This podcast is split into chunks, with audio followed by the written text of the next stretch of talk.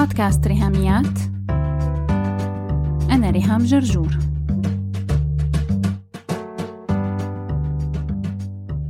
مرحبا. بحلقة اليوم ببعت معايدة من القلب لكل الأمهات بمناسبة عيد الأم.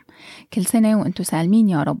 وما بقصد بس الأمهات يلي تزوجوا وخلفوا وبيرعوا أولادهم البيولوجيين لكن معايدتي من القلب لكل أم كل أنثى عايشة دور الأمومة ورعاية أشخاص تانيين بحياتها هي أم حتى لو ما كانت ولدتهم.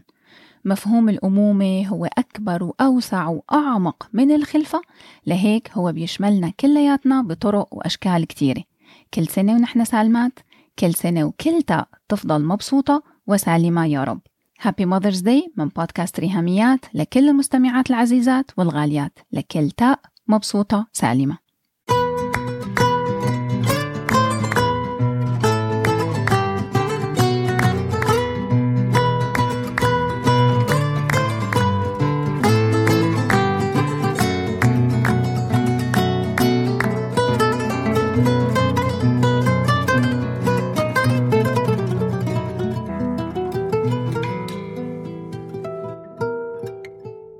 عم نكمل موضوعنا بشهر آذار مارس عن الحديث الداخلي وعنوان حلقة اليوم re-center لو ما سمعتي الحلقة الماضية حلقة رقم 122 بشجعك تعملي pause وتسمعيها حتى تقدري تتابعي حلقة اليوم بشكل أفضل مين عملت الواجب؟ جاهز معنا ال homework؟ عملتي تدريب الإنصات لصوت الحديث الداخلي؟ كتبتي الحوارات كلها وصنفتيها كل حوار تحت البند والنمط يلي بينطبق عليه مثل ما بتتذكري قلنا بالحلقة الماضية إنه أي سيلف توك هو إما constructive أو dysfunctional. يعني حديثك الداخلي يا إما بيكون بناء واستدلالي أو بيكون مختل وظيفيا. صفات الحديث الداخلي البناء والاستدلالي إنه بيقودك بالاتجاه الصحيح ناحية أهدافك وبيشجعك إنك تكوني أفضل نسخة عن شخصيتك. بيحفزك إنك تطوري من نفسك وبيفرجيكي ذاتك المستقبلية بالصورة اللي حابة توصلي لها وبالتالي محتاجة اليوم تاخدي قرارات وتتبني عادات وتشتغلي على الأمور يلي رح تشكرك عليها ذاتك المستقبلية. بينما الحديث الداخلي المختل وظيفيا فهو بيسبب لك إعاقة عن أي إنتاجية وبيخلي حياتك مثل المستنقع فيها تكرار لأنماط فشل وبالتالي فيها مشاعر بؤس وإحباط وقلة حيلة.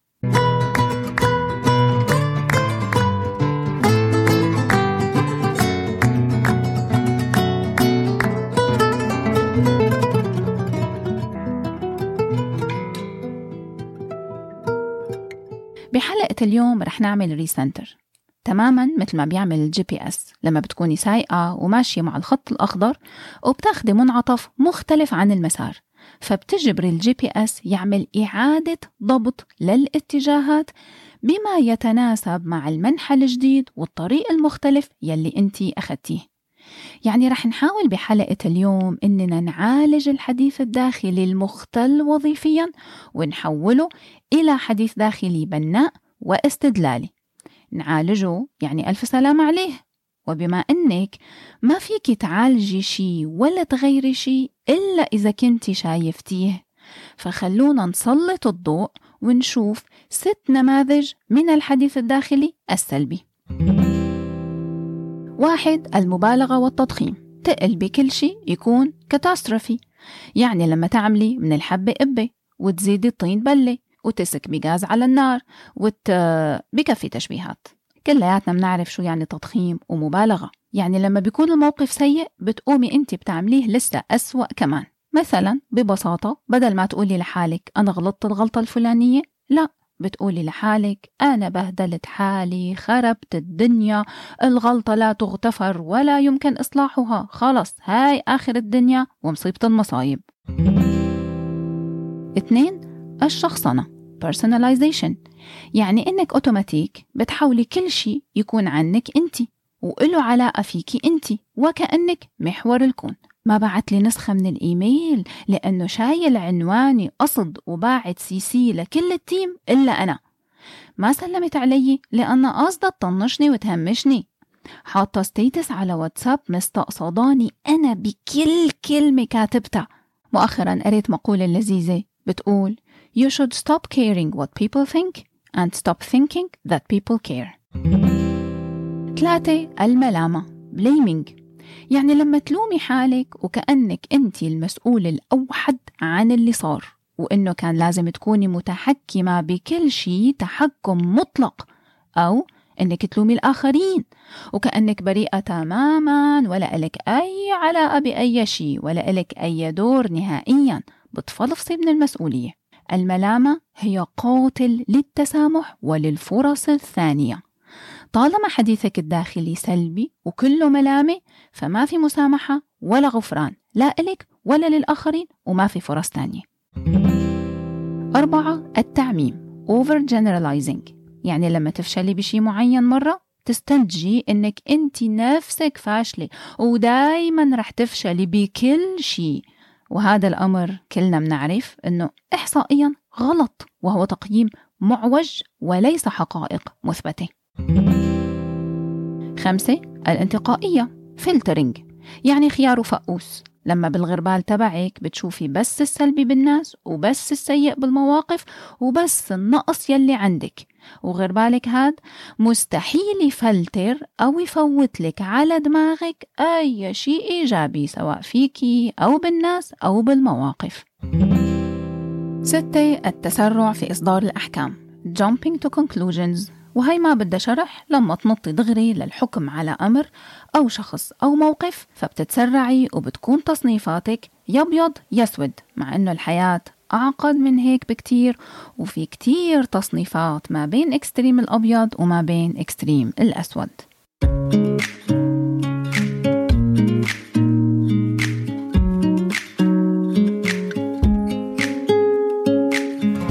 نايا والصبايا. الكتاب الأول من نوعه بالعالم العربي. دليل المراهقات لفهم سن البلوغ والدورة الشهرية. هالموسوعة هي كتاب مصور 52 صفحة ملونة بالكامل مع هدية 64 sticker لتتبع الدورة الشهرية في planner 2022 أو أي notebook.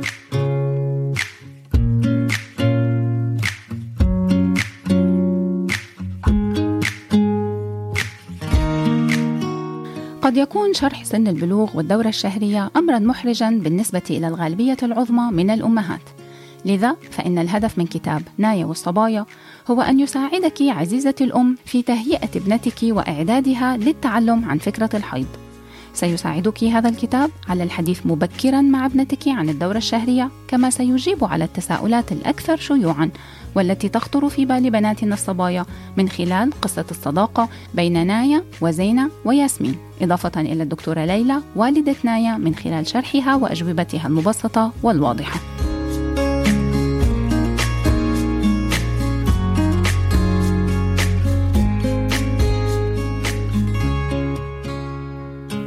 بيتناول كتاب نايا والصبايا ثلاث موضوعات أساسية. الفصل الأول سن البلوغ. الفصل الثاني الدورة الشهرية. والفصل الثالث الصحة والنظافة.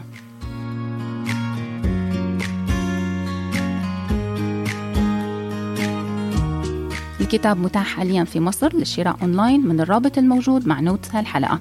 الشحن لكل المحافظات والدفع عند الاستلام. حملي تطبيق ريهاميات واستفيدي من الهدايا ومن الخصم.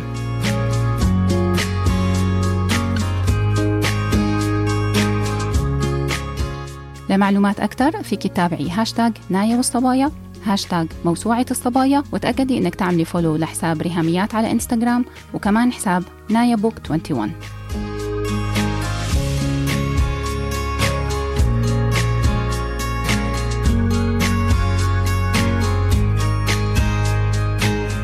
نايا والصبايا الجزء الأول من موسوعة الصبايا. لا تنسي تتفرجي على الفيديو المتاح على قناة ريهام جرجور على يوتيوب. بس هيك.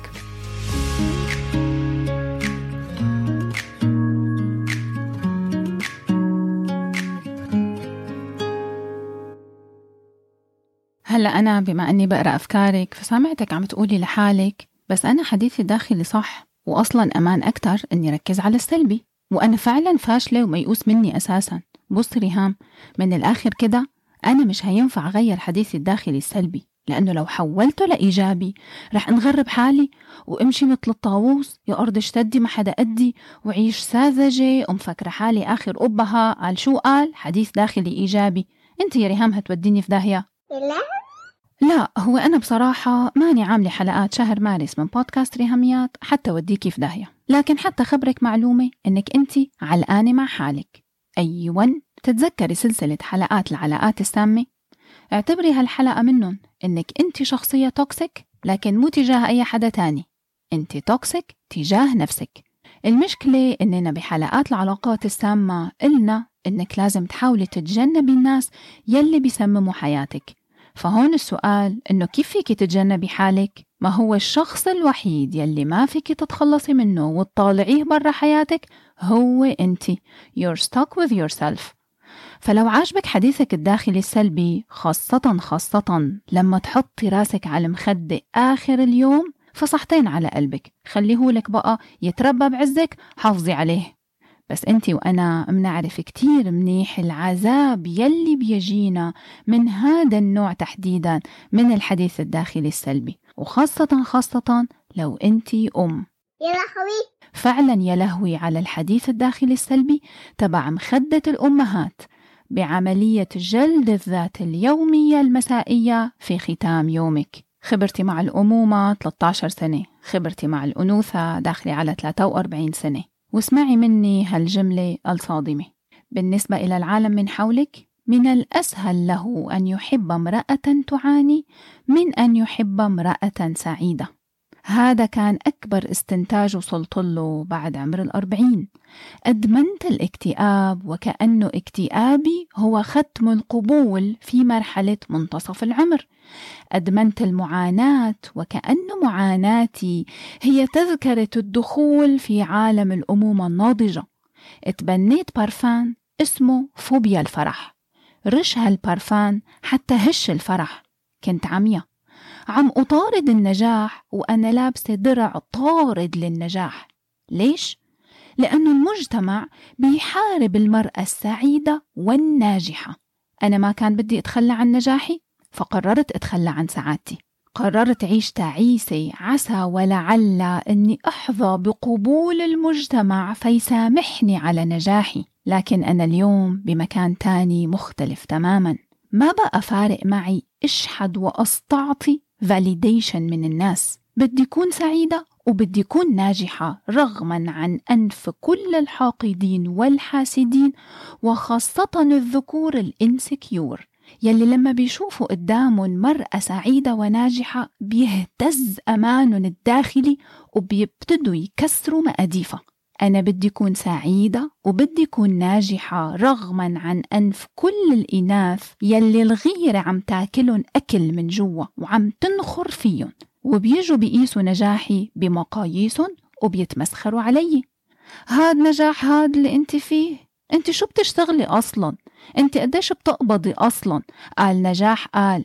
هي كانت كلماتهم هني يلي دخلت على مخي وتحولت إلى حديث داخلي سلبي مختل وظيفيا صرت أنا أقوله لحالي. شو كنت ساذجة لما شحدت من المجتمع ختم المصادقة على استحقاقي للفرح. بعيش يومي دايرة عم طلع بالناس. قولوا لي يا ترى أنا بستاهل ولا لا؟ قولوا لي يا ترى أنا ناجحة ولا لا؟ من الأسهل على العالم أن يحب امرأة تعاني من أن يحب امرأة سعيدة. وأنا امرأة سعيدة وناجحة. ليس وفقا لمقاييس العالم لكن وفقا لمقاييسي وأهدافي ورسالتي في الحياة. شاء من شاء وأبى من أبى. يعني اللي مو عاجبه اعلى ما بخيله يركبه آخر همي.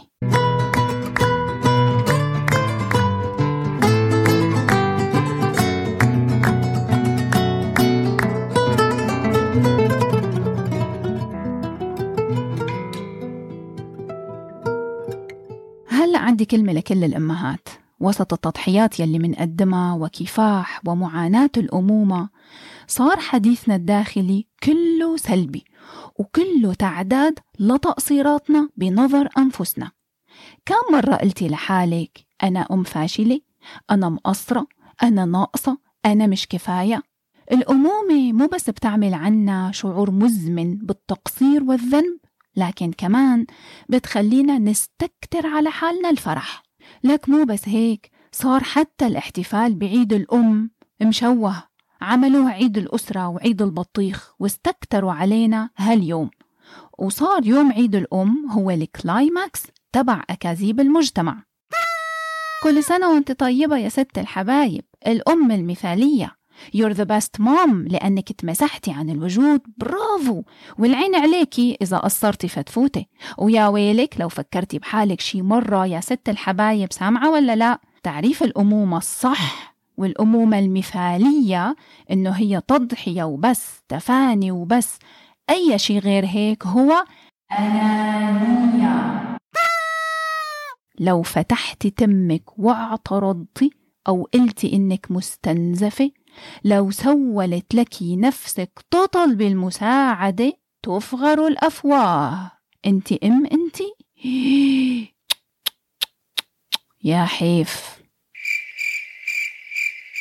هذا أكبر مثال عن ال negative self talk لما بيكون dysfunctional في أبهى حلله. أي كذبة رايحة وجاية تبنيناها وصارت هي الحديث الداخلي السلبي المختل وظيفيا. والحديث الداخلي تحول إلى مشاعر والمشاعر تحولت إلى أسلوب حياة وصرنا عايشين الأمومة. وفي جواتنا بأعماقنا مرار وتعاسة لا توصف. شو عملنا بحالنا نحن الأمهات؟ وشو عملنا ببعض؟ نازلين تنتيف ببعض لنربح جائزة بيقدم لنا إياها المجتمع تحت عنوان The Mother Who Suffers the Most Trophy. دخلك مين يلي اخترع هالجائزة هالتروفي منين إجت لنا؟ وصرنا عم نشدها من بعض. أنا يلي بستاهلها. لا أنا. جائزة الأم الأكثر معاناة في العالم.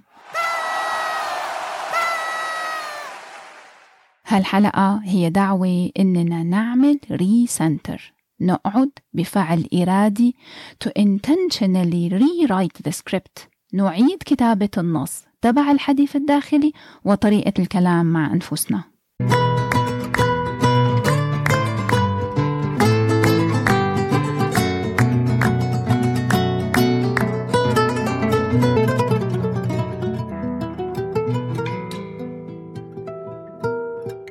هون بيجي السؤال كيف فيني غير الحديث الداخلي السلبي وحط بديل مكانه؟ عن طريق introspection الإستنباط. إنك تفكري بأفكارك. تفكري كيف أنت عم تفكري وتقرري إنك تتبني أفكار إيجابية عن نفسك وعن الآخرين وعن المواقف والحياة. لكن انتبهي كتير منيح لشي أنا بسميه وهم التايم لابس. تبني الحديث الداخلي الإيجابي ما بيجي بكبسة زر لكن نحن باللاوعي صرنا مفكرين الحياة هي reel على إنستغرام. فيديوهات ال time lapse مالية الدنيا. فيديو مدته كام ثانية بيطالع لك لوحة.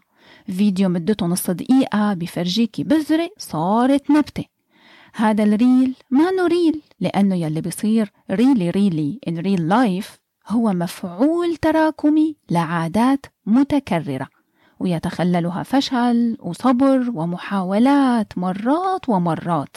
عادة ال positive self talk هي زرعة رح تاخد وقتها لحتى تكبر. قرري وكرري التزمي بالتغيير واصبري للنتيجة. الحديث الداخلي الإيجابي والشخصية الإيجابية ليست شخصية مغيبة ساذجة وهبلة. لا هي شخصية واقعية ومحددة وواثقة. لهيك رح أختم معك بهالصفات الثلاثة للشخصية الإيجابية يلي بتتدرب على عادة ال positive self talk واحد كوني واقعية. يعني بدل ال value judgements تقديرات وتخمينات وأحكام غير دقيقة وبعيدة عن الواقع والحقائق شوفي نفسك بموضوعية بناء على facts اثنين كوني محددة.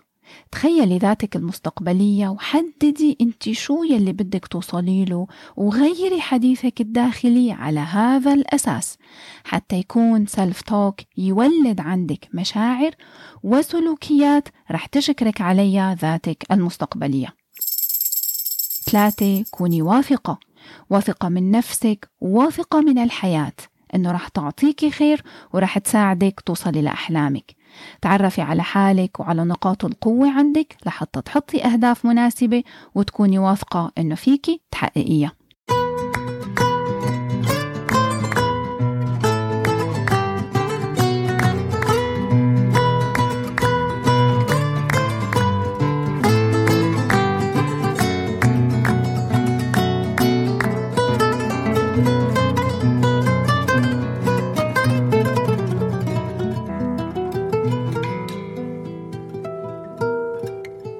آخر فكرة بدي أتركها معك بخصوص موضوع السلف توك إنك تتذكري دايما إنه الحديث الداخلي ما بيجي من فراغ. نحن بكتير أحيان بنعمل عملية internalization لأحاديث خارجية عم تحصل حوالينا.